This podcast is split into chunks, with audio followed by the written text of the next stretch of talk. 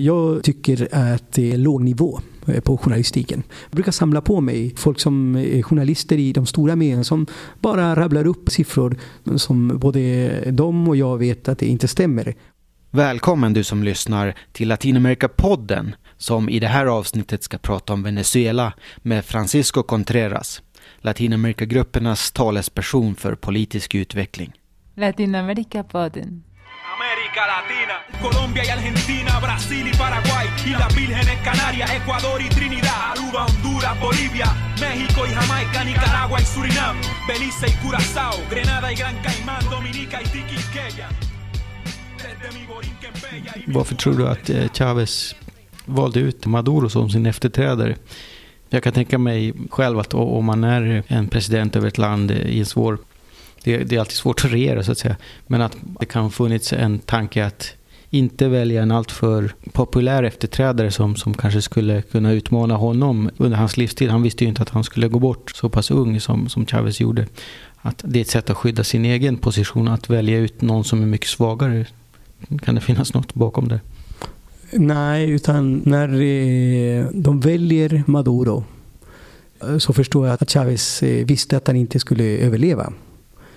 Alltså att de tar det, det beslutet då. Och är det i december någon gång där så vet de att, att han inte kommer att överleva. Att han skulle gå bort. Eh, så det fanns inte den, det är inte alls den logiken. Jag tror att det finns en annan logik. I, och det är en maktpolitisk logik. Och det, jag tror att det är så man mer bör tolka det. Och det har att göra med att i den här rörelsen, i den här regeringen, i den här så att säga, eh, makten så finns det olika makter och maktfora. Det är sällan det finns en som har kontroll över allt utan man, det är en sån här maktbalans. Alltså man har flera olika som representerar och tillhör olika, man ska kalla det för rörelse, intressen, makt, vad du vill. Alltså, vad de kunde se var att den som ändå kunde ena de här olika eh, var i Maduro. Det fanns ju andra som var utpekade men de hade inte lika mm, acceptans från andra delar. Om bara droppar några makter som är viktiga. Du har ju militärerna till exempel. Det är ju en viktig maktgrupp i samhället i Venezuela. Sen har du den politiska makten, eh, rörelsebaserad politiska makten. Det, det är ju en annan som är viktig. Sen har du den partibyråkratin som finns ju i alla fall i Venezuela, som, som också är viktig. Sen har du även en, en fjärde som är byråkratin som, som sådan, den statliga byråkratin som är väldigt stark.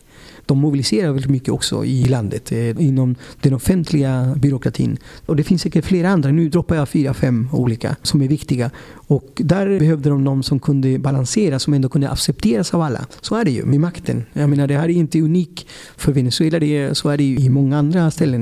Man Sverige, representerar, men- precis, man representerar olika. Och det, det är min förklaring varför Maduro är den som tar över.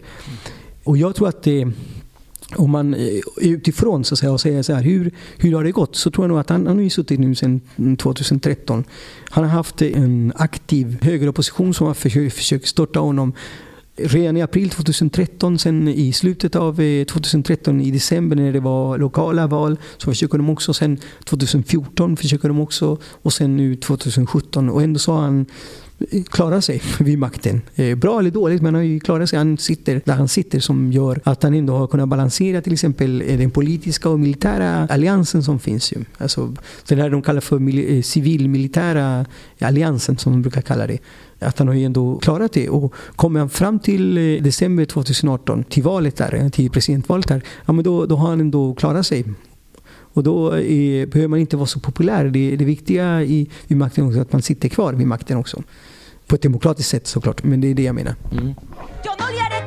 A ningún falso profeta, ni a falsos socialistas que vendieron su conciencia. Le voy a hacer campaña al pueblo que viene de abajo. Vente para Gaviota y fíjate en nuestro trabajo. Hur ser du på den eh, politiska konflikt som ändå pågår i Venezuela idag?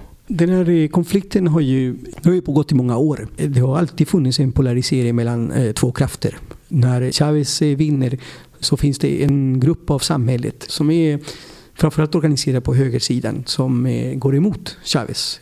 De går emot eh, Chavez när man skriver om eh, konstitutionen 1999. När folkomröstningen kommer så säger de nej till konstitutionen och till folkomröstningen om konstitutionen. Samma människor idag, precis samma människor, alltså det är inte så att det är andra, utan samma människor som då sa nej till konstitutionen, de kämpar idag, alltså 2018, för konstitutionen och säger så att, att man inte ska förändra konstitutionen. Men den konflikten har, har funnits hela tiden och, man, och då finns det vissa stopppunkter där, kontrollstationer som man kan se att konflikten har så att säga gått över till, till våld eller till eh, våldsammare konfrontationer. Eskalerat. Ja. Ja, eskalerat som 2002.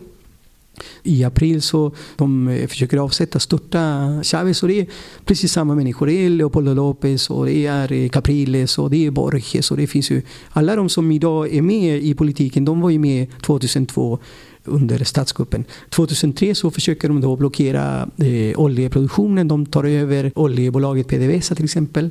Och det blir ju en enorm kris under 2003. Men då lyckas de inte heller störta eh, Chavez.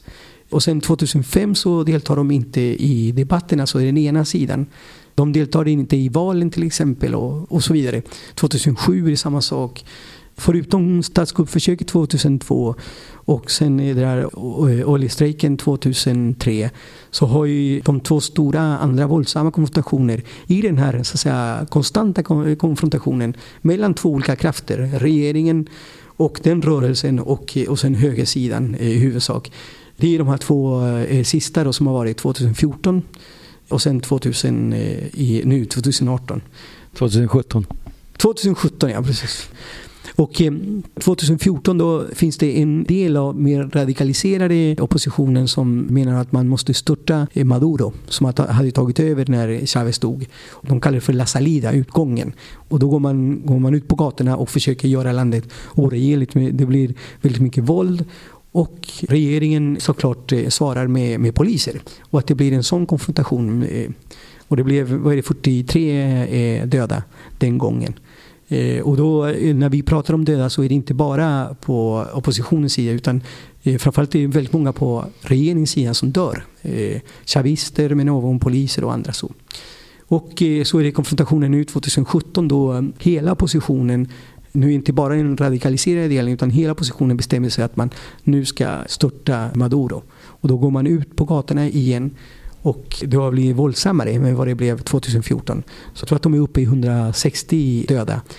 Den stora majoriteten måste vi säga är folk som varken var för eller emot regeringen som faktiskt inte deltog i demonstrationerna eller var poliser utan det var folk som fanns runt omkring. Så våldet drabbar även de som inte är polisaktiva, de som inte tar ställning, de drabbas också av våldet. Culpa de Leopoldo muchos amigos han matado Y recuerdo esto para los que ya lo han olvidado Incitaste a la violencia, sembraste necesidad Guarimba tras guarimba, eso es lo que tú nos das Och det som hände i huvudsak de här konfrontationerna var ju att eh, oppositionen som regerar har borgmästare i östra delen av Caracas. Och det är där de demonstrerar. De försöker ta sig in till centrala delen av Caracas. Och regeringen och eh, borgmästaren som i Caracas, centrala Caracas, som tillhör eh, chavisterna då, eh, regering, regeringssidan, de stoppade dem så att de inte kunde ta sig in till centrala delen. De fick aldrig tillstånd att ta sig in. Och det man pratade om det är Ukraina, Majdan-torget. Att när oppositionen tog över Majdan-torget så ockuperade de torget och det blev massa, alltså centrala delen. Och det ville man inte i Caracas. Man ville undvika det så de fick aldrig komma in. Som gjorde att det, när, man, när oppositionen konfronterade eh, polisen så blev det eh, hårda slag. Mycket våldsamt eh, på många olika sätt. Där både polisen framförallt gör, använder övervåld och sen även oppositionen, framförallt eh, vissa radikala grupper, maskerade unga människor eh, också använder sig av övervåld. Där både poliser dör men även eh, oppositionen, demonstranter också. Det är väl det vi har sett i bilder. Man kan ju tolka det på olika sätt. Jag, jag tror, eh, min tolkning är att det är en sån konfrontation mellan två olika krafter där det går till övervåld, oavsett vem som är skyldig eller inte, är ingen lösning överhuvudtaget för ett, för ett samhälle.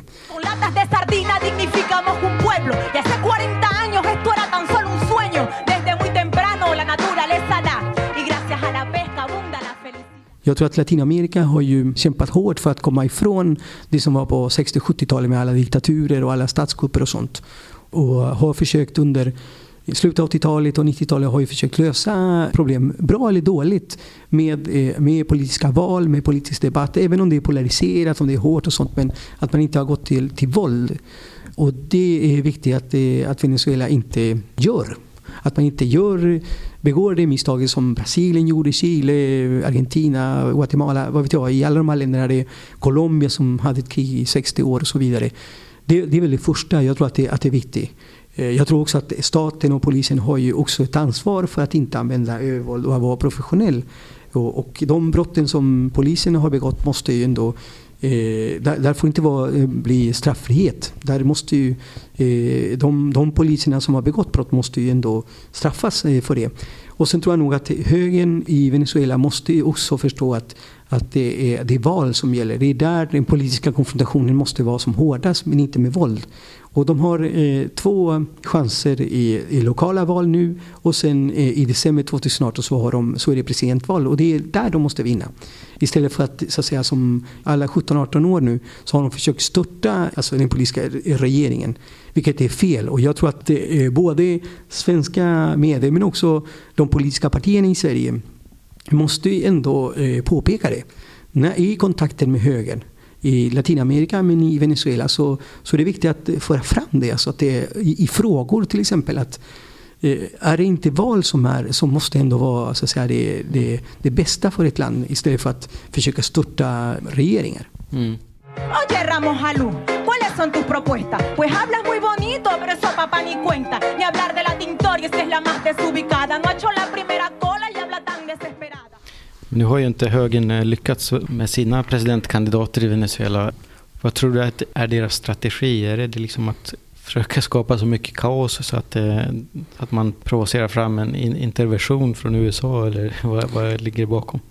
Ja, det, hela, som jag förstår hela strategin var att man skulle göra landet oregerligt under de här månaderna under våren. Eh, ja, svenska våren då. Eh, att man skulle göra det så att man kunde eh, öppna för möjligheten av en, det man kallar för humanitär intervention. Mm. Eh, och det skulle komma eh, framförallt från Colombia. Det finns sju USA-baser men också från Karibien finns det flera olika baser. Honduras har ju också den här stora basen i Pal, vad heter det, Palmerola. Heter det, Mm. Någonting i, i Honduras som största basen också. Men i Curaçao finns det också Eh, baser. Så eh, det var det som var så att säga hela tanken. Därför man gör diplomatiskt så försöker man isolera eh, landet. Brasilien, Mexiko, Peru, Argentina spelar en stor roll för att kunna isolera och skapa de förutsättningar. De verkar ha misslyckats med att skapa, dem, skapa det kaos och den där oregerliga situationen så att man kunde intervenera. Eh, eh, och jag tror att det man är tvungen att ta som exempel eh, Mellanöstern. Hur det blev alltså när man, när man öppnade för eh, intervention eh, utlands, från, från utlandet, från supermakter. Att det löser inga det löser inte problemen. Ju. Det, det, är inte så att, att den besegrade delen, mm, om, om högeroppositionen skulle då störta Maduro, så är det inte så att chavisterna kommer bara gå hem och mm. låta dem så att säga, styra som de vill. Utan det kommer bli en konfrontation framöver. Jag tror inte alls att det går att lösa saker på det sättet. Mm. Eh, jag tror att man måste hitta, eller lyssna på folkrörelserna som finns i i, eh, i Venezuela på många olika sätt. Eh, eh, kommunala råden, det finns olika kommittéer, vattenkommittéer, det finns ursprungsfolk men det finns också lantarbetare. De, många av dem jobbar idag vid sidan om den här politiska konfrontationen så jobbar de för att kunna lösa problem. Till exempel den ekonomiska krisen som, som har varit. De, Många av dem jobbar just nu praktiskt med att kunna lösa eh, problem för, de, för fattiga till exempel, för de, de som har det sämst, så att säga, som drabbas mest av, av, eh, av krisen. Det tas ju aldrig upp i, i, i svenska medier heller men det finns en sån rörelse som är väldigt intressant och som man borde lyfta upp för att de, de hittar ju saker som, som görs och nu när regeringen är eh, så pass trängt på, på många olika sätt så, så har ju de här rörelserna som har kommit med lösningar eh, har ju fått mycket mer att säga till om. Mm.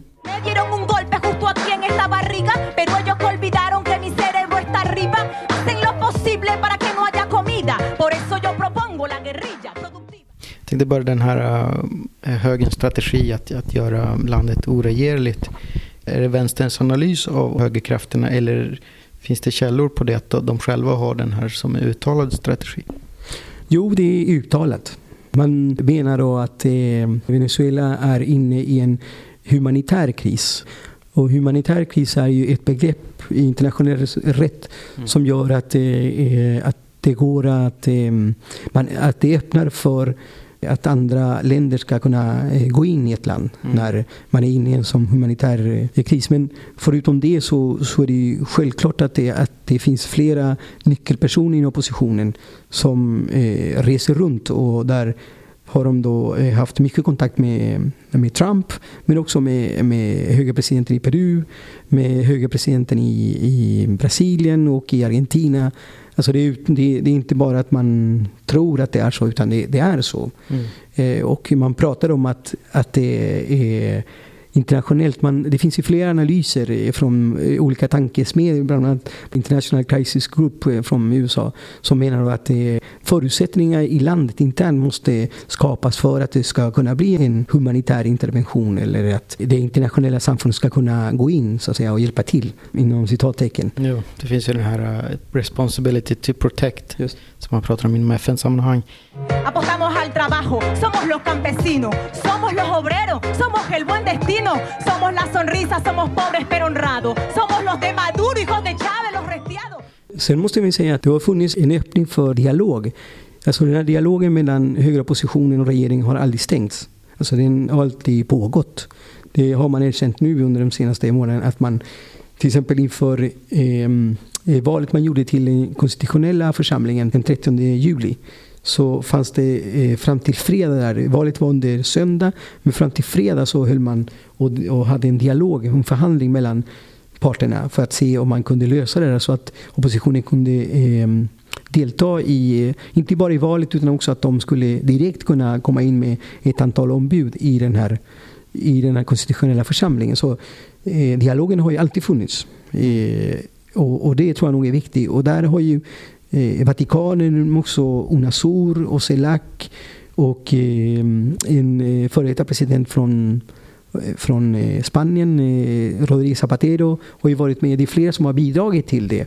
Och jag vet att det förekommer just nu en, en förhandling, en dialog om, om, om ett antal saker. Bland annat den här ekonomiska men också den politiska eh, konfrontationen. Och jag, jag tror att det, att det är bra. Jag tror att det är väl det som, som måste vara så att säga, en, en lösning. Sen tror jag inte alls att, att alla lösningar kommer från de politiska partierna, från varken regeringen eller de politiska partierna från oppositionen. Jag tror att det är eh, befolkningen och folkrörelserna och folk måste ju ändå kunna vara med och diskutera det här. För det är inte, det är inte så att de politiska partierna från oppositionen representerar alla i oppositionen. Och det är inte heller så att regeringen som sådan, presidenten och andra och ministrarna och kanske det, det stora politiska partiet representerar hela eh, rörelsen som, som byggdes upp som ibland kallas för chavister. Utan det finns många andra röster och krafter och de borde också få vara med i, i debatten på ett annat sätt. Jag tror att det är fel. Det är ett problem att det är bara de som, de, eh, som har en dialog och, och förhandlar. Mm. Motores, pescamos, cosechamos, enlatamos, alimentamos. Mi nombre es la gaviota y de aquí no nos vamos. Men en av de stora kritiken mot den här konstituerande församlingen var väl att oppositionen eh, inte sitter med i, det, i den församlingen? Det är problemet såklart. De hade ju möjligheten att kunna vara med men de från början så hade de satsat på att inte ha någon, någon öppen dialog utan de menar att det, det enda lösningen var att Maduro skulle gå. För det sa man uttryckligen så, explicit. Den enda lösningen här är att Maduro eh, avsätts. Och sen kan man diskutera. Men det var det de, det de ville. Och när det här initiativet om, om en konstitutionell församling kom, det hade de inte räknat med. Men de trodde att de skulle lyckas ändå störta Maduro och framförallt få till en intervention helt enkelt. Och det fick de inte. Och sen började folk tröttna på demonstrationerna. Det var ju färre och färre som gick på demonstrationerna. Så till sist så var det ju framförallt eh, väldigt mycket media, väldigt mycket internationell media som skrev, men det var väldigt lite folk som deltog i de här demonstrationerna. Vi pratar om juli. Mm. Eh, och, och så kommer man till den 13 juli när eh, valet är och, eh, och då är de väldigt försvagade. som förklarar varför efter den 13 juli så, så avstannar alla demonstrationer. Det finns ju nästan inga demonstrationer alls och ingen våld alls idag. Det finns ingen våldsam eh, konfrontation just nu. Och det har att göra med att folk hade tröttnat och sen insåg folk att ah, det, det här gick inte. Alltså de, flera av, de, av, av dem, framförallt de ledarna, eh, förstår att ah, men vi kunde inte störta dem. Och de kunde inte störta dem för att det, det finns ju flera saker. Det ena är att de, att de tror att de kunde få en spricka inom Försvarsmakten och det fick de inte. Mm. Det andra är att de trodde att de kunde även splittra det politiska, den politiska makten, ministrar och andra. Och egentligen så är det det enda triumfkortet som de får är, är eh, hon som var eh, åklagare. Mm. Eh, faktiskt. Det är den enda så att säga, stora segern som de får. Men, men annars det, har det varit väldigt tätt. Det, var inte, det, var, det är väldigt, väldigt få som, som har gått så att säga, till oppositionen bland chavisterna. Så där, det fixar de inte heller. Och sen den där humanitära interventionen blev ju eh, stoppat på flera olika sätt. Jag tror att de, de eh, högerpresidenterna i Latinamerika inte vågade ta eh, nästa steg så att säga och, och, gå till, till aktion. Och, och sen har ju både Kina och Ryssland har ju också sagt sitt också att de inte kommer tolerera en intervention från USA. Och USA förstår det också. Att det, de kan ju inte bara gå in så. Det skulle kosta väldigt mycket för USA att, att invadera. Eh, som gjorde att det inte, att inte det fanns alltså förutsättningar varken externt eller internt eh, funkade. Mm. Fábrica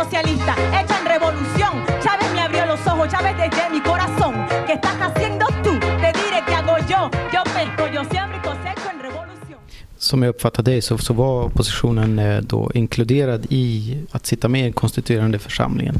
Men att de avstod från att delta man kan tänka sig att det är en strategi att peka ut den konstituerande församlingen som illegitim. Att kolla oppositionen är inte representerad.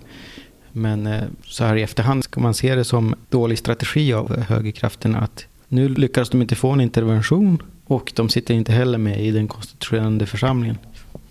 Ja, alltså det här med, med att det ska vara illegitimt. Jag, det är tveksamt att kunna säga så. Det allting står ju i konstitutionen och det är, det är bara att läsa eh, de här olika artiklarna 347 348, 349 så står det väldigt tydligt om vem som kan kalla till en, en eh, konstitutionell, till val till en institutionell församling. Eh, och sen eh, vilka vad den här eh, konstitutionella församlingen har för förfogande och sånt. Det finns alltså flera saker. Och det, jag menar, det är inte så svårt. Kan man spanska så är det bara att läsa och det, det är inte mycket att säga, säga om det där. Sen kan man ju tycka, och det tycker jag att man kan göra, att att det blir svårt att förankra saker om bara den ena parten är med och inte den andra. Det kan jag hålla med om. Det, det är en, en åsikt, en tolkning man gör. Men man kan inte säga att det är illegitimt att det inte följer konstitutionen. Alltså problemet för oppositionen är att de själva, och flera av dem 1999, var ju emot den här konstitutionen.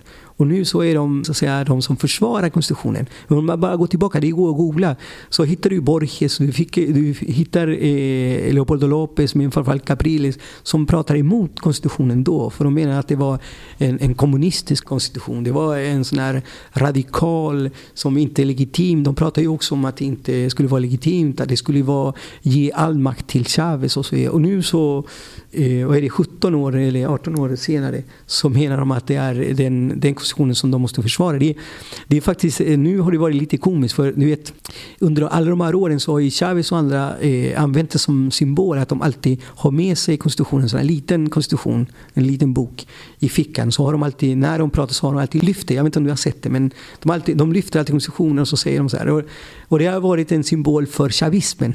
Och nu, den senaste månaden så har ju oppositionen gjort samma sak. De tar ju fram konstitutionen och att vi ska försvara konstitutionen. Vilket är väldigt, lite komiskt, lite tragikomiskt. Det har ju inte heller journalisterna och svenska medier tagit upp. Men, men det är ju en förändring, alltså skifte att man nu accepterar så att säga någonting som för 17-18 år inte kunde acceptera överhuvudtaget. Du lyssnar alltså på Latinamerika-podden om Venezuela med Francisco Contreras. Sen eh, som vi sa tidigare så har ju regeringen också ett problem för att man inte har med sig den andra halvan. Landet är väldigt polariserat och det är, oppositionen är ändå stark. Alltså man, det är inte så att de är eh, svaga överhuvudtaget och sånt. De är ju starka och de är eniga i vissa grejer för det är en väldigt splittrad, bred opposition, högeropposition. Men, men eh, eh, de är ju ändå enade om att man ska störta eller avsätta Maduro. Och eh, regeringen har ju såklart det här problemet att de inte, i, de, i de här förändringarna som man gör av konstitutionen inte har förankrat det bland oppositionen. Och nu eh, har det också kommit att innan man eh, godtar den här nya konstitutionen måste man folkomrösta om den. Så det kan ju vara så att man gör massa förändringar under eh, två år och sen går man till folkomröstningen och då kommer folk att säga nej till det. Och då har ju två år så att säga, gått utan att det blir resultat.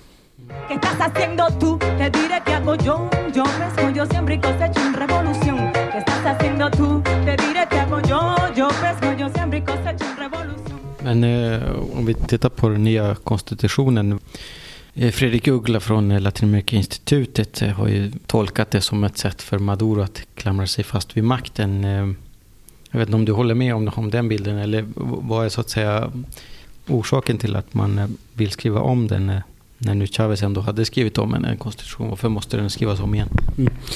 Det är flera olika saker. Jag kan ju eh, ta det enklaste. Det är att när eh, man skriver den nya konstitutionen 1999 då var ju styrkeförhållandet någonting, alltså, det var andra styrkeförhållanden. Det var ju precis den här nya rörelsen hade formats och man når inte hela vägen i flera debatter och så nöjer man sig med, med vissa delar. Ändå så blir det en rätt så progressiv, modern eh, konstitution där man tillskriver till exempel rättigheter till, eh, till ursprungsfolk, till eh, kvinnors rättigheter, eh, eh, även homosexuella kommer med som de inte hade fått med, eh, kommit med innan. Alltså det finns ju flera olika saker med sociala rättigheter och sånt. Det kommer med. Man förändrar inte allting. Men man säger också då i den debatten att den här förändring av samhället kommer också att resultera i att man ändrar i konstitutionen senare. Sen är det så att det, det är väl det ena. Jag, jag, tror inte alls att allting är perfekt. Om du frågar mig som principiell så tycker jag att saker och ting måste alltid förändras. I Sverige så gör vi förändringar i grundlagen, i lagarna eh, ständigt. Och det gör ju i de flesta länderna helt enkelt. Så varför skulle inte Venezuela kunna göra det efter ett antal år? Så mm, jag menar det argumentet faller ju helt. Att det, allting skulle vara perfekt och att man inte ska ändra överhuvudtaget. Det är det ena. Det andra är, är vad man vill förändra. När Chavez och regeringen ville förändra konstitutionen för ett antal år sedan så från början var det ett antal punkter och sen blev det jättemycket saker. Och de hade ju övertaget när det gäller antal mandat i nationalförsamlingen och majoriteten och sånt. Och de trodde att det skulle vara lätt att göra massa förändringar. Och så gick de till en folkomröstning som de förlorade. Jag vet inte om du kommer ihåg det.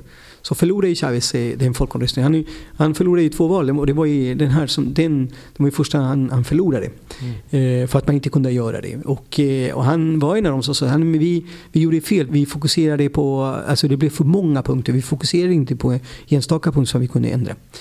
Och den här nya förändringarna i konstitutionen, det är inte så att man skriver om hela konstitutionen. Utan man kommer att göra vissa ändringar. Jag tror att det är viktigt att påpeka. Jag tror att det är, de som säger att det är en ny konstitution har fel. Och det kommer visa sig, men jag tror att de har fel. Och det är framförallt två saker. Det ena är att det här initiativet kommer till som ett svar på den eh, politiska konfrontationen som finns ju. Det var inte så att den kommer bara för att, utan den kommer för att det var ett sätt att, så att säga, få en eh, stopp på eh, våldsamheterna och försöka eh, stoppa högens försök att störta Maduro helt enkelt. Så det är den, i den kontexten. Och sen har man också pekat ut eh, nio olika punkter som man vill ändra på. Man fokuserar på nio olika punkter. Det finns ingenting som, i alla fall vad jag vet, eh, i, i så fall så vet eh, Uggla någonting annat, Fredrik Uggla någonting annat.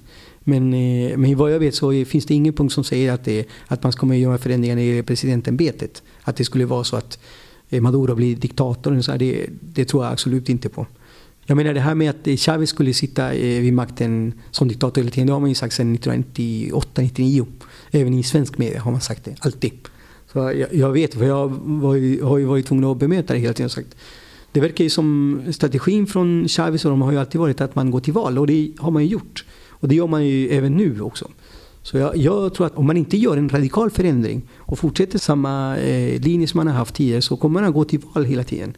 Och då eh, kan ju inte Maduro, eh, då får han ju så att säga utsättas för, för ett val. Och förlorar han så förlorar han ju.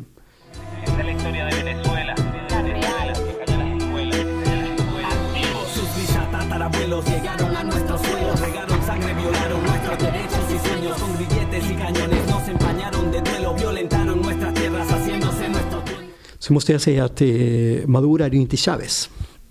Någon gång tidigare så har vi pratat om de här olika ledarna och sånt. Och Maduro samlar ju rörelsen kring eh, regeringen och så. Men eh, han har inte samma eh, gestalt som, som Chavez. Han är inte lika karismatisk. Nej, men, nej, men, jo, men, men inte bara karisma. Jag tänkte på makten. Jag tror att makten fördelar sig på ett annat sätt idag. Jag förstår att svenska medier och svenska journalister har svårt att, att läsa av det. Men vi är många, även på högersidan och på andra sidor och sånt, läser av att man vet att eh, Maduro inte har så mycket det är inte så att han koncentrerar all makt utan det finns många eh, makter och maktfora i, i, i politiken idag på ett annat sätt än vad Chavez hade. Mm. Men ändå så, nästa år kommer väl hållas presidentval. I december 2018 är det tänkt. Men det är väl ändå varit så att man har förhalat det, skjutit på framtiden? Nej, inte, inte presidentvalet. Han vann ju 2013, april 2013 och det är en femårig mandatperiod, så det är fem år. Det som inte genomfördes var ju guvernörsvalet som skulle ha gjorts i december 2016. I fjol. Mm. Och, eh, och så gjorde man inte det och det kommer att hållas nu i oktober. Ja, eller har hållits beroende på när vi sänder. Mm. Så eh, 2017. Så det är väl det. Men presidentvalet är i december 2018. Det är, man har inte gjort några förändringar alls där. Mm. Men det, det ska, man se att man ville, innan eh, det valet vill man få den här valet till konstituerande församling, antar jag. Nej, va- valet har redan varit. Jo, det har varit, men man ville, Folkomröstningen. man ville ha liksom, få fram det innan det här eh, guvernörsvalet, vilket man sköt på tills i år, som skulle ha varit i fjol, för att vinna tid för att ta fram en konstituerande församling som man nu har gjort under sommaren. Nej, jag, jag har inte den, eh, den uppfattningen. Jag tror att det, den här idén om konstitutionella församlingen kom ju när våldsamheten hade börjat. Och det, är, det var ett svar på det. Så har ingenting att göra med själva valet. Sen att man sköt upp valet i december 2016 har att göra med eh, den ekonomiska krisen. Mm. Att, man, att det var en så, så pass stor ekonomisk kris att man eh, från myndigheterna, bra eller dåligt, eh, det kan man ju säga mycket om, men att man sköt upp eh, valet till, till det här året. Man hade sagt att det skulle vara så. Eh, Så det är två olika saker. Man måste ju komma ihåg att i januari 2016 så debatterade oppositionen hur man skulle avsätta eh, Maduro. Och då, man pratade väldigt mycket om man skulle göra det utifrån konstitutionen. Att det fanns ju verktyg inom konstitutionen för att kunna avsätta en president och det finns ju. Men man gick aldrig till skott. Jag var ju där i, eh, under våren 2016 och de hade det fortfarande inte bestämt sig för det var ju delat. Inom oppositionen så fanns det flera olika. Man menar att, det, att man inte skulle gå via konstitutionen, alltså de, de konstitutionella vägarna. Att man skulle ha en sån här folkomröstning för att kunna avsätta en president. För att det fanns den här mer radikaliserade oppositionen. Och det var ju den som, så att säga, som vann till slut. Att man menar att för att kunna göra en, en, en förändring, inte bara avsätta en president utan också förändra samhället, alltså så här chockterapi och allting, så var man ju tvungen att störta Maduro på ett annat sätt. Den debatten, jag var ju där, jag, jag var ju och, och, och lyssnade hur, de, hur man debatterar och sånt. Eh, debatten är väldigt fritt. Alltså jag, jag tror att man får en annan bild när man kommer dit och så kan man ju träffa eh, när oppositionen debatterar och sånt. Och hur eh, regeringen också debatterar i tv, i media, publikt och sånt. Då förstår man att det är en annan grej. Alltså man, man får en annan bild av, av medierna som, som är förvanskad tycker jag. Men då, man gick aldrig till skott om man skulle avsätta via en folkomröstning. Man skulle ha gjort det i januari, så gjorde man inte det. Utan det var i, någon gång i mars-april då man så att säga bestämde att vi gör det. Men då var det för sent att göra hela den här. Som gjorde att allting försenades och jag tror att eh, och valmyndigheten då använde det här som en ursäkt för att inte göra eh, val till guvernörsval under december. För då var det den andra grejen om, om folkomröstning för att kunna avsätta Maduro det som var på tapeten. Och då sköt man upp allting. Och sen blev det inte av och så blir det alla de här konfrontationer, våldsamma konfrontationer och så kommer man till eh, val till konstitutionell församling den 13 juli och sen bestämmer man att det blir val i oktober för guvernörsvalet. Så ungefär ligger det till. Mm. Eh, Venezuela förekommer ju då och då i såna här listor över länder där de mänskliga rättigheterna kränks. Vad eh, säger du om det? Eh, I huvudsak så, så pekar man ju eh, staten, regeringen, försvarsmakten för brott. Och det, det tycker jag är rätt att man gör, att man, det finns en, en skyldighet från, från staten att eh, respektera och vara professionella. Till exempel när man möter våldsamma mm. manifestationer och sånt. Det tycker jag är viktigt. Och om det så, så vill jag säga att det man kan se är att när det blir sådana våldsamma konfrontationer som 2014 och 2017 som det har varit nu. Det är då den här piken går upp. Alltså det är då det går upp när det gäller brott mot mänskliga rättigheter som till exempel att man allt från att man Eh, häktar folk och har dem häktade ett antal dagar utan att det blir någon, någon process. Till exempel att eh, advokaten får komma till och sånt. Att eh, människor som blir häktade menar att de har blivit eh, eh tafsade eller, eller slagna eller sådana Alltså sådana grejer. Som är, och det är viktigt att det kommer fram. Och, och där, där måste ju så att säga, staten agera på alltså de här olika fronterna som finns. Åklagare, domstolar och så vidare måste ju agera när det gäller det. Eh, och sen går det ner. Som 2014 så var det väldigt mycket där och sen, sen gick det ner. Mm. Eh, och sen har ju de flesta gått fria, de som häktades och så vidare. Och det är ett antal som har åtalats och sånt, vilket, vilket är bra. Där tror jag nog att de sociala rörelser och människorättsorganisationer måste ändå trycka på att inte blir strafffrihet. Det tror jag nog är viktigt. Sen när det gäller oppositionens eller de, de oppositionella som begår brott. Där har det varit väldigt svårt. För att varje gång, till exempel nu eh, under, under våren så brändes 20 personer som eh, tillhörde regeringssidan, det var chavister. Och de, de brändes ihjäl av oppositionen. Och där är det väldigt svårt att åtala de här människorna som har gjort det. Och gör man det, ja, men då stämplar man dem som politiska fångar på en gång. Människorättsorganisationer måste vara aktiva att, att säga att vi försvarar så att säga, eh, det som ska försvaras. Men de som begår brott, även om de är oppositionella, de måste ju så att säga, få straff för till exempel om man bränner ihjäl en person. Och där måste jag ändå säga till både folkrörelser men också till människorättsorganisationer att vi måste vara eh, vaksamma och att vi, man måste veta vad man gör och vad man säger. För det är väldigt viktigt för att straffriheten får inte bli så att säga, en sak som gäller för alla eh, oppositionella. Bara för att de är oppositionella så kan man göra vad man vill. Precis som samma sak så, så får inte straffriheten bli systematisk när det gäller brott som Försvarsmakten eller polisen gör. Man får aldrig tolerera det, varken på den ena eller den andra delen. Jo, där får man inte vara partisk utan där måste man vara saklig, opartisk och se till att man är bra och effektiv som människorättsorganisation. Mm, en viktig aspekt. de su dominio, la cola de sus gobiernos hicieron que el pobre viviese el peor infierno. Sus padres con sus mentiras fingieron querer cambiarlo, hicieron un par de obras, lo demás se lo robaron, jag tänkte bara på eh, en annan aspekt som ofta tas upp vad gäller eh, Venezuela. Det är ju ekonomin, att det är så oljeberoende. Vilket har gjort att det blir väldigt svagt för fluktuationer inom råvarupriser. Ska man ha det på Chavez konto över misslyckande? Att man inte har diversifierat sin ekonomi och gjort sig alltför beroende.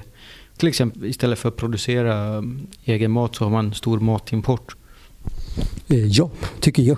Jag tycker att det är, och det gäller inte bara Chavez i Venezuela utan det gäller flera länder i Latinamerika som har eller haft eh, progressiva eller vänsterregeringar som där man inte har gjort en, en förändring i utvecklingsmodellen. Det man har gjort är att omfördela resurser. Man har eh, finansierat sociala reformer med, med utvinning av råvaror och så vidare. Och Venezuela är ju ett praktexempel på problem.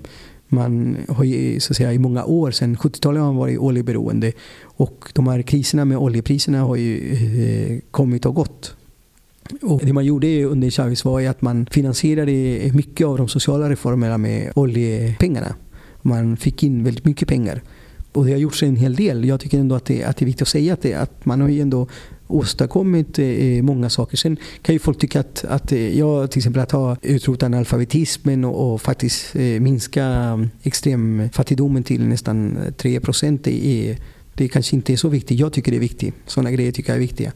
Och det har man gjort och då har man ju som jag sagt finansierat det med oljepriset. Nu när oljepriset dök så, så har ju också Venezuela drabbats och känt prisfallet. Och det är precis som du säger, jag, jag tycker att det är en, den främsta kritiken som tycker jag som man bör, det finns många andra, andra kritiska punkter men jag tycker en av de, de stora, den stora kritiken är att man inte eh, lyckades under de här åren att åtminstone sätta grunden för en förändring. De säger nu till exempel att en av de nio punkterna i den här konstitutionella församlingen är just att förändra eh, utvecklingsmodellen så att man inte ska, det inte ska bygga på oljeberoendet. Men jag tror också att debatten måste gå mycket mer än så. Alltså att det, det handlar inte bara om oljan, det handlar om andra råvaror. Att det får inte vara så att man byter olja mot till exempel eh, koppar eller, eller eh, guld eller andra mineraler. Att man utvinner mineral till exempel. Andra, precis, andra, andra råvaror. Utan jag tror att det måste till en annan, en annan helutvecklingsmodell som inte bygger, bygger på att man utvinner eh, råvaror på det sättet som man gör. Och där tror jag nog att den, den debatten vet jag faktiskt inte om de, om de klarar av just nu med, med krisen de har haft. Jag bara tar ett exempel för att kunna förklara varför de har haft matbrist eller att matpriserna har gått upp så mycket. Under Chavez så importerar de ungefär för 70 miljarder dollar per år. Alltså, det var ju staten i huvudsak som importerade det mesta. Så att säga. Allting från råvaror till eh, för att kunna förädla produkter då, men också eh, mat och till befolkningen. Toapapper och allting. Och man klarade det för att man hade en, så att säga, en tjock eh, plånbok och det kunde man göra.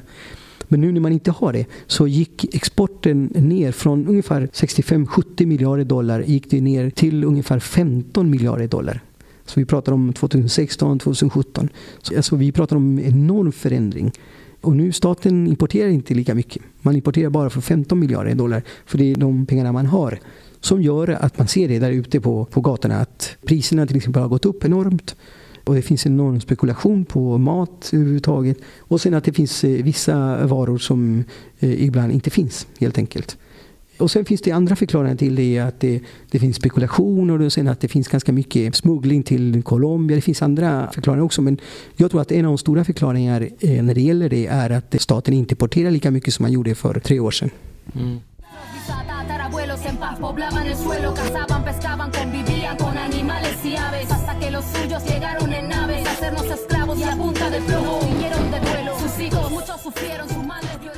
Så vad gäller eh, oljepriset så finns vissa som eh, pekar på att USA började med, med fracking. Vad heter det på svenska? Utvinning av skifferolja. Ja, att det var ett medvetet, eh, en medveten strategi att försvaga USAs fiender då, Ryssland, Iran och Venezuela.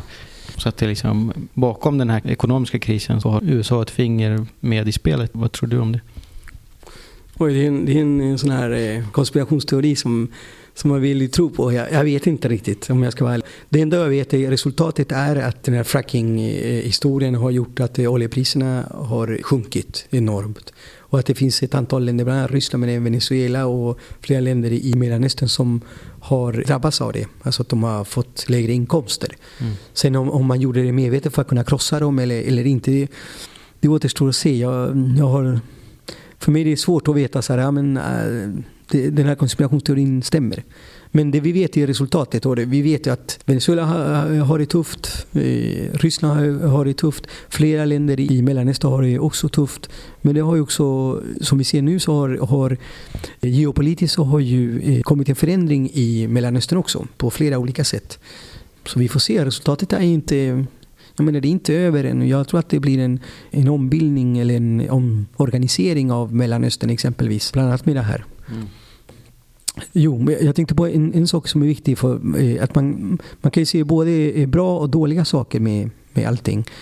Att eh, till exempel att Venezuela får ehm, mindre inkomster via oljan gör att de måste nu börja tänka på att det måste till någonting. Alltså man måste ju förändra. Mm. Eh, där ser jag, jag hör inte oppositionen, men det kanske finns, men jag hör inte oppositionen säga någonting hur de ska lösa det där. Hur man ska komma ifrån oljeberoendet. För de har ju precis samma, det är samma ekonomi. Ju. Det är inte så att det är ett annat land, det är samma ekonomi. Jag hör, jag hör inte hur oppositionen säga någonting om det. Däremot så från regeringssidan från, och från rörelserna så menar man att det är dags att säga att det här krisen gör att man är tvungen att, så att, säga, att, att göra någonting åt det drastiskt, vilket är, vilket är bra. Det också. Så i det dåliga så finns det bra saker. Det andra som jag tycker är dåligt är att när oljepriset var högt så kunde man konsumera mindre fossila bränslen framför olja. Men nu när oljan är så billig så eh, har, ju det, har konsumtionen eh, ökat vilket inte är bra för, för klimatet och för miljön och sånt. Så det finns ju både bra saker i allt det där. Och fracking är ju, som det visar sig, så är inte heller det bra för, för jorden, för marken, för, för miljön heller. Så Eh, I, I de här spelen och så finns det bra och dåliga saker och jag tror att man måste ändå öppna sina vyer och börja analysera saker utifrån det. Vad, vad, vad är bra för oss? Vad är, vad är bra för naturen? Vad är bra för miljön? Vad är bra för människan? Och vad är bra för, för till exempel finanskapitalet, för oljebolagen och sånt? Det, det måste man ju faktiskt diskutera och analysera. Mm. Ehm, om vi blickar framåt, då, tror du att eh, Venezuela kommer att komma ekonomiskt upp på fötter när oljepriset börjar gå upp igen? Eller tror du att man kommer att hitta andra alternativ att diversifiera sin ekonomi? Jag tror att de kommer att diversifiera sin ekonomi. Om man gör som de säger, i alla fall rörelserna, regeringspartierna, det är flera partier, det är blocket. När det gäller oppositionen så vet jag inte. Jag tror att eh, oppositionen har mycket kontakter med de här stora transnationella bolagen, oljebolagen som Exxon och andra. Som gör att skulle de komma till makten så finns det ganska mycket förhandlas redan där. Eh, vilket kommer att vara väldigt svårt att göra annat än att, att man spelar på, på deras regler. Eh, vilket är farligt. Det kommer man ju se när det gäller Temer till exempel i Brasilien. att man eh, när högen, så att säga, hårda högen kom till makten i Brasilien nu så fanns det flera saker som man gjorde som de här stora bolagen hade krävt sedan länge. Till exempel förändra arbetsrätten men också privatisera flera av de här nyckelbolagen inom, inom staten. Så jag, eh, när det gäller eh, regeringen och regeringspartierna och den, den rörelsen så tror jag att om de gör som de säger så kommer det bli en, förändring, att man kommer ifrån oljeberoendet. Däremot så vet jag inte riktigt, det är en, en, en debatt inom den rörelsen om, om det är så att man diversifierar så att till exempel gruvindustrin tar fart, vilket är ett problem. Och det verkar ju som det, det är på gång när det gäller eh, gruvdrift, tyvärr. Och sen finns det de som är väldigt kritiska till det och menar att det inte är där, alltså vi ska bort från oljeberoende men vi ska också bort från extraktivismen, alltså utvinning av råvaror. Och att det finns andra sätt att se på en utvecklingsmodell. Den konflikten är ju inte avklarad. Den, jag tror att den, den är en enorm debatt inom Ja, inom vänstern, inom rörelserna, inom folkrörelsen. Det, det vet vi, inte bara i Venezuela utan även i andra länder i Latinamerika. Mm. I förra avsnittet av Latinamerika-podden pratade jag med DNs latinamerikakorre Henrik Brandau Jönsson. Utan att nämna några namn så ondgjorde han sig över läsare som kritiserar hans Venezuela-rapportering för att vara högervriden. Och så här sa han. Det som har varit värst den sista tiden med Venezuela det är ju faktiskt vad jag kallar för Chilevänstern i Sverige. Alltså barn till eh, chilenare som kom till Sverige, som kanske är födda i Sverige men som har ärvt föräldrarnas kamp för socialismen. Och som då har fått för sig att Venezuela är socialistiskt. och tror att Maduro står för socialism. Har ingen aning om att det är ett kriminellt gäng som styr landet. Det är liksom bara knarkpengar och, och pengar på distribution av livsmedel som göder. Den som styr landet är egentligen försvarsministern. Jag bara tänkte, vad fan ska liksom Chilevänstern i Sverige stödja Los Kollektivs kriminella gäng? Nej, är så jävla vidrigt alltså. Så när de attackerar mig och liksom försöker göra mig till någon slags högermänniska. Alltså jag blir så jävla förbannad. Åk till Venezuela och se vad det är. De har inte ens varit där. De har ingen aning. De sitter hemma och läser på nätet i de här grupperna. Oh, oh titta, oh, titta nu är högern igång igen. Högern igång. Det är ett land som har kollapsat. Höger och vänster dog med Chavez. Det finns ingen, ingen socialism. Alltså de här Los Colectivos som styr landet och favellerna. Det är kriminella gäng som dödar. Alltså jag intervjuar ju alltså, före detta chavistas när i faveler. De har ett helvete med de här gängen. För att sitter folk hemma och liksom på nätet på natten i Stockholm och liksom babba, jag tycker inte du är vänster. Även om Henrik Brandä Jönsson inte syftade på just Francisco Contreras så kan det vara intressant att höra hur han ser på den svenska Venezuela-rapporteringen. Rapportering är polariserad, precis som eh, polariseringen i Venezuela. Tyvärr så, så tycker jag inte att eh, svenska medier lever upp till tanken att vi ska se till att, att ha en saklig rapportering och se till att eh, också ha den här folkbildande eh, rollen som jag tycker eh, medierna också ska ha. Att eh, det svenska folket ska kunna lära sig och få en bild av ett land eller de konflikter eller debatten som finns. Jag tror att det är väldigt ensidig, väldigt vinklad eh, rapportering. Det är det ena. Och, och, det stör mig inte så mycket när det gäller att man vinklar. Jag tycker att det, det får man eh, leva med. Helt enkelt att en, en journalist vinklar saker och, och tar ställning för en. Och det, det, får man göra. Det jag framförallt stör mig på är att man inte kontrollerar varken källor eller siffror eller, eller, eller information man ger. Eller fakta. Vi pratar om någonting som är konstant, alltså systematiskt. Att, att man eh, anger fel siffror, att man inte kontrollerar om det, om det stämmer. Jag har många, många exempel och jag vill absolut inte hänga ut någon. Men jag, men jag brukar samla på mig folk som är journalister i de stora medierna som bara rabblar upp eh, eh siffror som, som både de och jag vet att det inte stämmer. Och att det är väldigt, väldigt enkelt tycker jag, i alla fall för en journalist att kunna kontrollera. Men det gör man ju inte. Eh, och sen när man påpekar så säger de ja just det, jag har rätt, ja nej, men jag tittar fel, jag, jag ska göra en, en, ny kontroll och sånt. Men då har ju så att säga de här hundratusentals som har läst det har ju redan läst det och de kommer aldrig mer att läsa någon notis eller någon not att, att man har angett fel siffror. Jag tycker att det, att det är låg nivå eh, på journalistiken. Men just det är lite speciellt med public service för där ska ju enligt public service-avtalet så ska ju rapportering om eh, konflikter, det, det ska ju vara opartisk rapportering och eh, bägge sidornas bästa argument ska ju framföras. Eh, jag tycker att de har, även om de har fel på fakta, det kan ju vara slarvfel, men just det här att man ska vara vad heter det, opartisk, annars bryter man mot public service-avtalet. Hur ser du på den biten, just kring Venezuela-rapporteringen? Just när det gäller Venezuela-rapporteringen så tycker jag att det finns en klar partiskhet. Och det gäller inte bara källor eller det man förmedlar utan också de som, som får eh, kommentera rapporteringen och nyheter och sånt. Nu de senaste månaderna så är det enbart kommentatorer alltså utifrån som inte är journalister, inte från public service men som får vara med i de här, vi är bara liberaler. Eh, och jag är ingen emot det. Alltså jag tycker det är bra att de är med. Jag säger bara att det är väldigt eh, partiskt, att man inte använder sig av andra också. Det, det är framförallt två eller tre. De kommer från det hållet. Och jag menar, jag återupprepar det, jag menar inte att det är fel att det är de men jag tycker att det är bra att det finns andra också för att, så att det inte blir så partiskt. Och sen tror jag nog också att public service måste ändå kunna säga att de tillhör så att säga en flank i den här opinionen, den här opinionsbildningen. För att folk ska förstå var det kommer ifrån.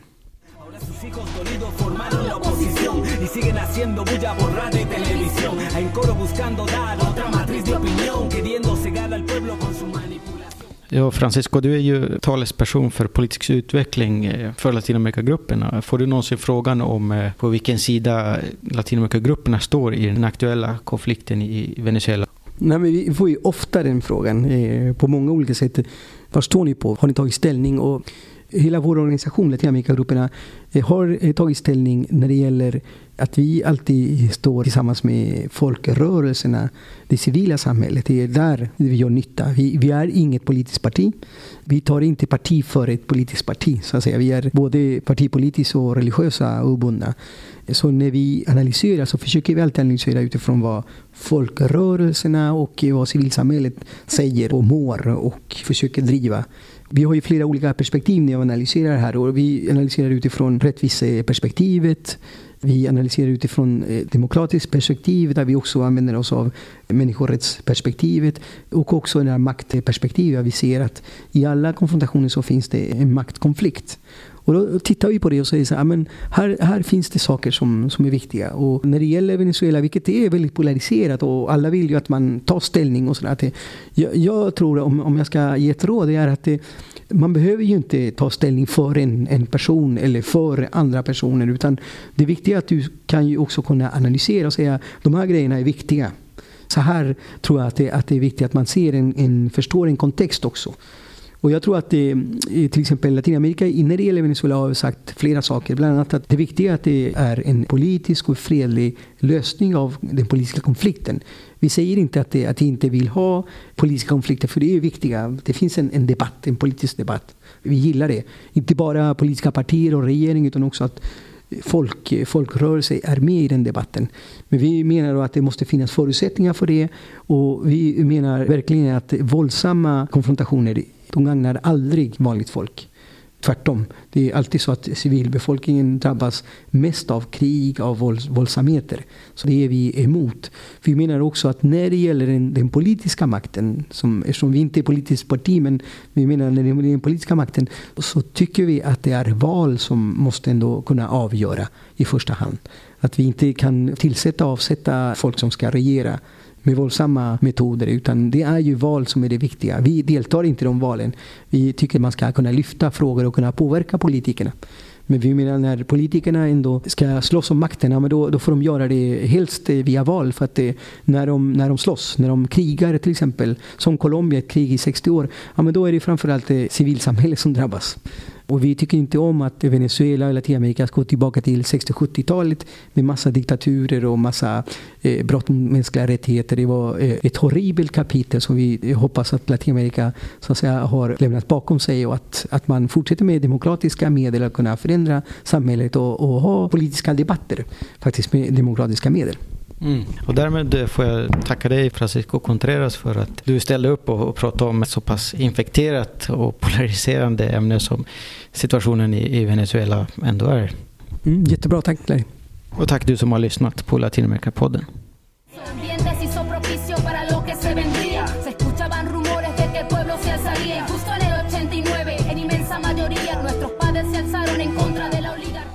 Du har lyssnat på Latinamerika-podden om Venezuela med Francisco Contreras. Du hörde också lite venezolansk hiphop med artisten Maria Machado och gruppen Arte y Esencia. Samtalet spelades in den 1 september 2017 och i nästa avsnitt ska vi få höra om urfolket mapuches långa kamp för sina rättigheter och självbestämmande i Chile och Argentina med den svenske mapuchen Jorge Calbucura. Det ska du inte missa. Latinamerika-podden produceras av mig, Larry Honkanen, för Latinamerika-grupperna. Och om du gillar Latinamerika-podden, visa gärna din uppskattning genom att följa poddens Facebook-sida. América Latina, pa Perú y pa Venezuela, Costa Rica y Panamá, Guatemala, El Salvador, Chile y Uruguay, Colombia y Argentina, Brasil y Paraguay, Islas Vírgenes, Canarias, Ecuador y Trinidad, Aruba, Honduras, Bolivia, México y Jamaica, Nicaragua y Surinam, Latinamerika podden.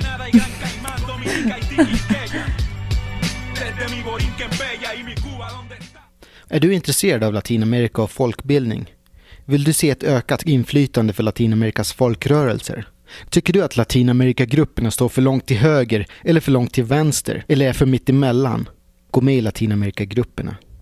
Latinamerikagruppen är en medlemsstyrd förening. Genom ditt medlemskap kan du vara med och styra inriktningen.